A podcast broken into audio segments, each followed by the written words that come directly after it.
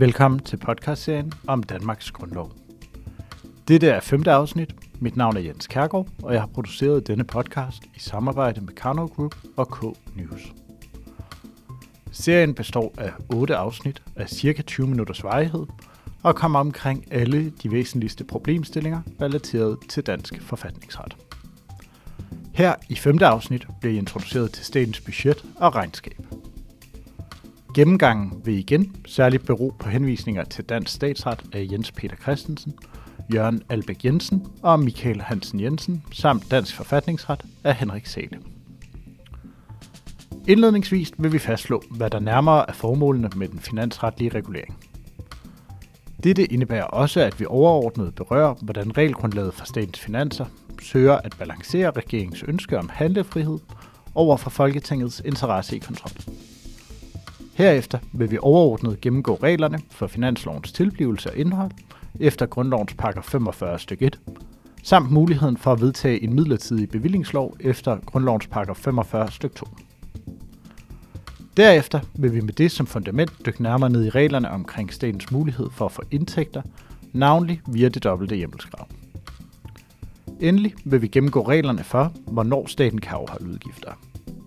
I denne forbindelse vil vi kigge nærmere på den retssædvane, der er etableret til i modstrid med ordlyden af grundlovens paragraf 46 stykke 2, at Finansudvalget har adgang til at give tillægsbevillinger til ministre for at afholde udgifter, selvom de ikke har hjemmel i hverken finansloven eller i en tillægsbevillingslov eller i en midlertidig bevillingslov.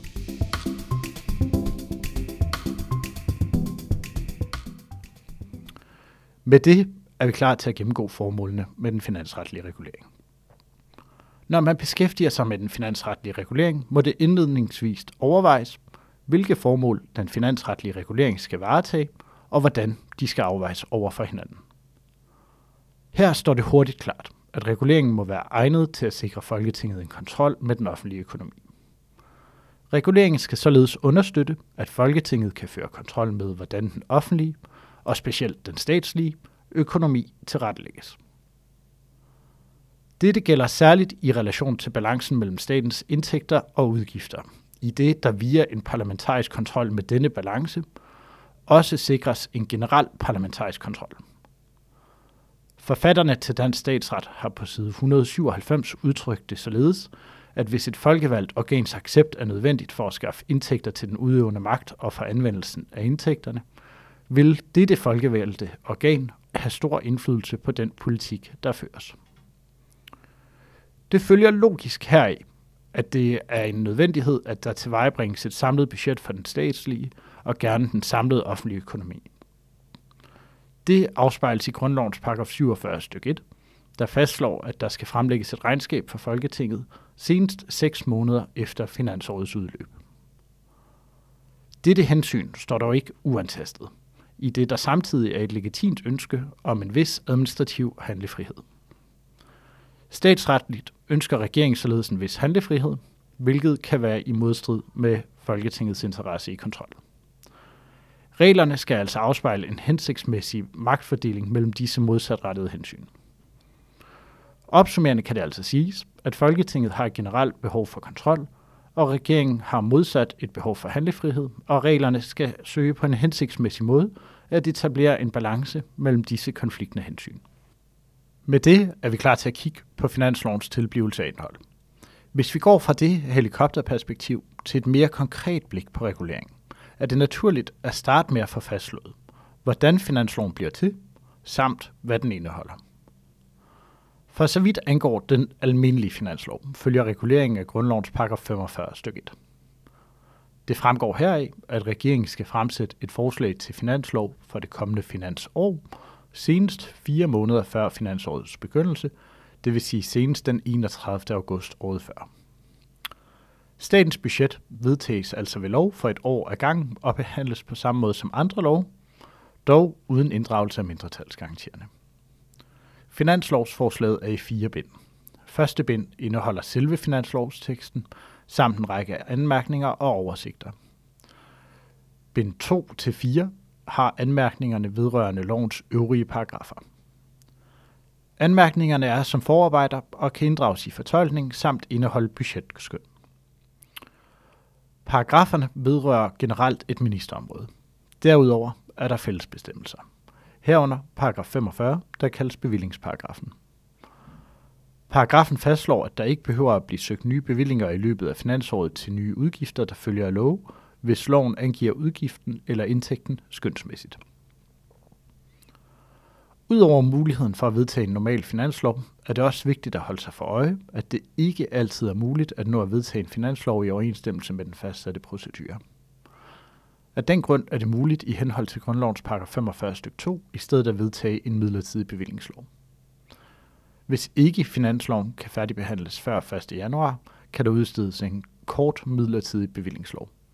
Eksempelvis kan det være en nødvendighed som følge af regeringsforhandlinger mod slutningen af året, som det var tilfældet i slutningen af 2022 og før det i år 2007. Med det på plads kan vi gå videre til at gennemgå, hvad der gælder af særskilte krav for, at staten kan opkræve skatter og afgifter. Statens indtægter kommer hovedsageligt via opkrævning af skatter og afgifter. I denne forbindelse er det væsentligt at være opmærksom på to bestemmelser i grundloven.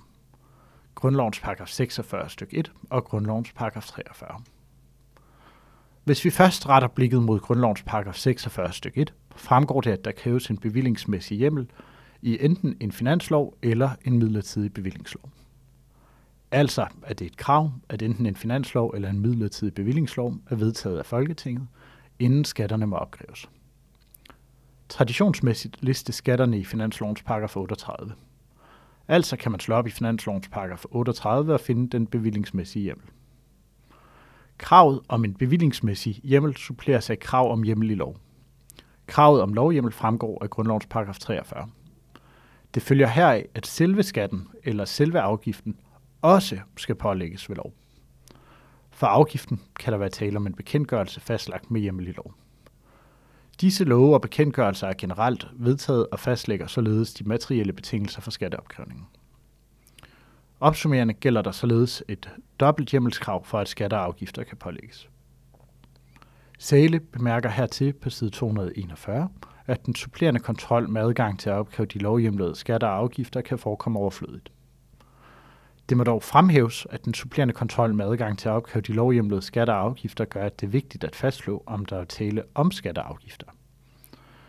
Netop dette spørgsmål har været genstand for prøvelse i en central sag kaldet gebyrsagen, der er offentliggjort som UFR 1993-757H. I sagen var det aftvistet, om et gebyr kunne sige at udgøre en skat eller afgift. Omdrejningspunktet i sagen var forståelsen af ordet skat i grundlovens paragraf 43, første led. Det fremgår således af bestemmelsen, at ingen skat kan pålægges, forandres eller ophæves uden ved lov. Ordet skat er fortolket således, at det også indbefatter afgifter, i det både skatter og afgifter udgør ydelser til det offentlige, der ikke modsvares af en særlig modydelse fra det offentlige side. Af den grund er eksempelvis moms og tolv også indbefattet. Modsat falder gebyrer normalt udenfor, i det der er tale om brugerbetaling, og der er altså tale om en sammenhæng mellem betaling og den modtagende ydelse.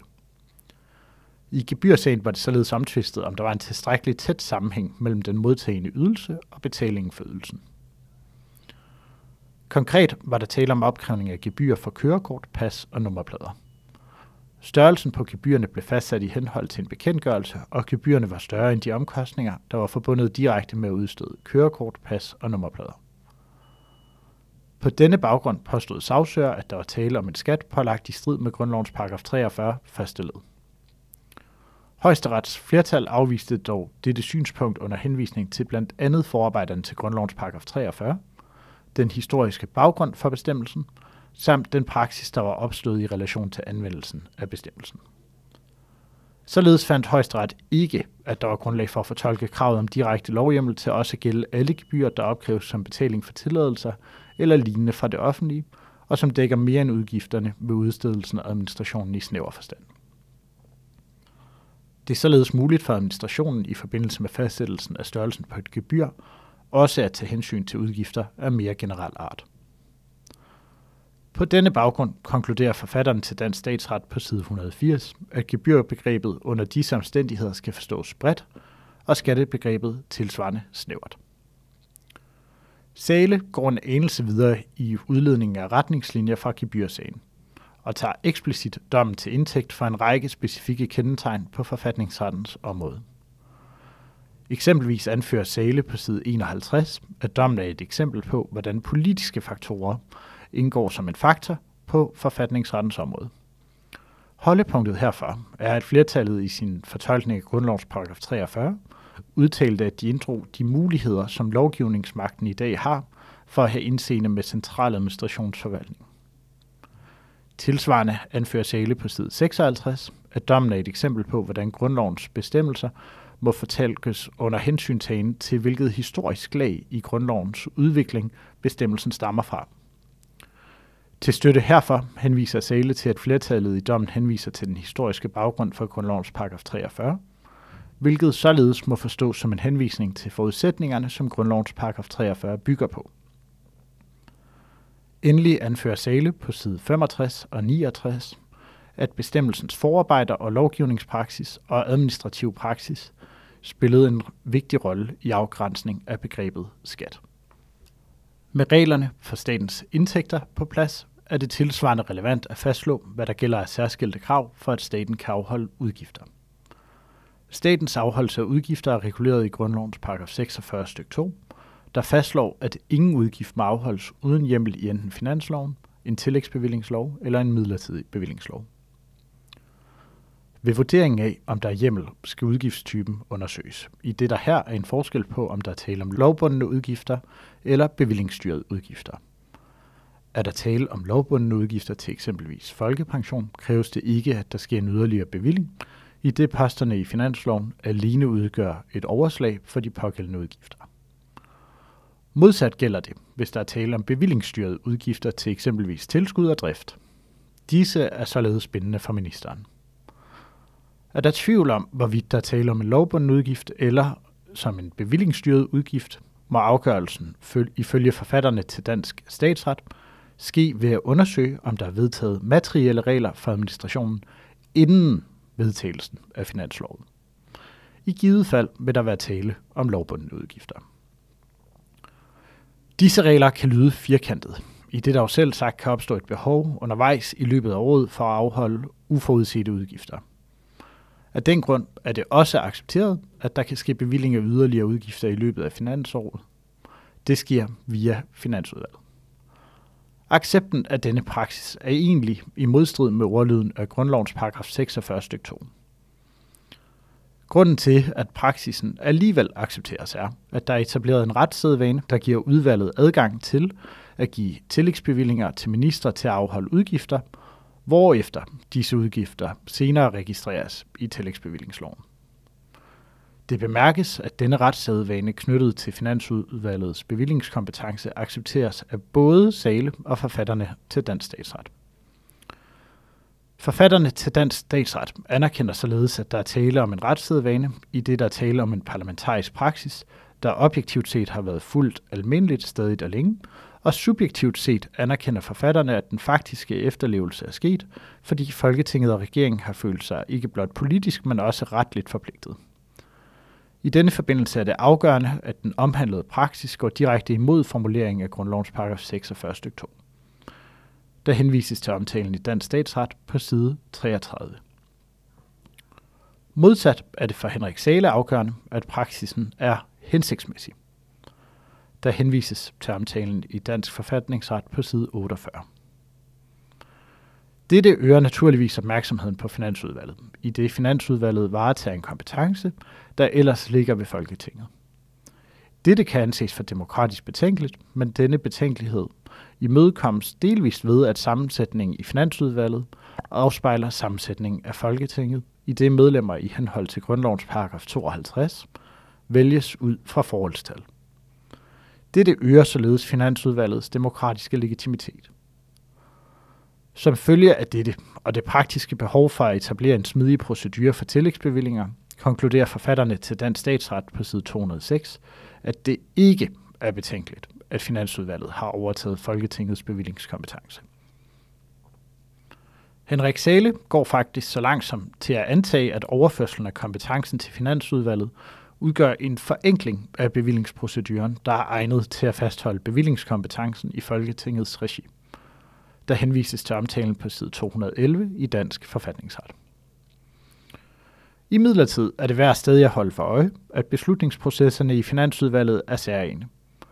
Således træffer Finansudvalget beslutninger ved et simpelt flertal, men ud fra særlige stemmeregler, der tomme stole tæller som stemmer for, medmindre de på forhånd har tilkendegivet, at de er imod. Med tomme stole sigtes der til, øh, at medlemmer udbliver. Illustrativt for dette særlige forløb kan der henvises til den specielle proces, der ledte op til salget af Dong i 2014 under den daværende SR-SF-regering. Flere var imod salget i både Socialdemokratiet og SF, herunder SF's daværende politiske ordfører og finansordfører Lisbeth Bæk Poulsen. Men Lisbeth Bæk Poulsen kunne ikke nøjes med at blive væk fra afstemningen, i det den tomme stol så blot vil stemme for salget af Dong. Således var det nødvendigt for Lisbeth Bæk Poulsen helt at trække sig fra Finansudvalget, hvilket hun også gjorde. Disse særlige afstemningsregler kan med afsæt i en umiddelbar betragtning forekomme betænkelige, i det de adskiller sig fra afstemningsreglerne i Folketinget. Således er det ikke utænkeligt, at en afstemning til trods for reglerne om forholdstalsvalg kan få et andet resultat i Finansudvalget, end den tilsvarende afstemning vil få i Finansudvalget. Den bekymring, der kunne være knyttet til disse særlige afstemningsregler, mindskes dog af, at et hvert medlem af Folketinget har adgang til at føre et aktstykke vedrørende en bevillingsansøgning frem i Folketingssalen. Altså kan spørgsmålet løftes fra Finansudvalget til en afstemning i Folketingssalen. Særligt interesseret kan søge informationer om forløbet med salget af Dong, og vil i den forbindelse kunne konstatere, at enhedslisten netop også løftede spørgsmålet til afstemning i Folketingssalen. Således forekommer det sammenfattende rigtigt, at der ikke er særlige bekymringer knyttet til overladelsen af bevillingskompetencen fra Folketinget til Finansudvalget. Det bemærkes særligt om grænserne for Finansudvalgets kompetence, at bevillingskompetencen ikke er begrænset hverken beløbsmæssigt eller til udgifter af presserende karakter. Det bemærkes dog videre, at kompetencen er begrænset i den forstand, at Finansudvalget ikke selvstændigt kan foretage ændringer af lovbestemmelser eller vedtage nye lovhjemler, hvilket står i modsætning til de bevillinger, der gives i finansloven. Når Finansudvalget giver en bevilling, skal den nødvendige lovgivning således stadig foretages på det selvstændige område.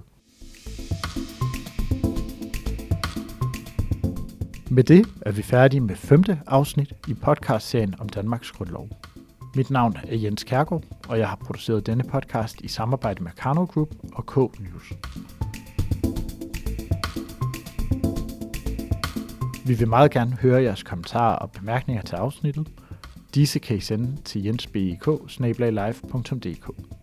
Lyt med næste gang i 6. afsnit, hvor I bliver introduceret til udenrigskompetence og suverænitetsoverladelse.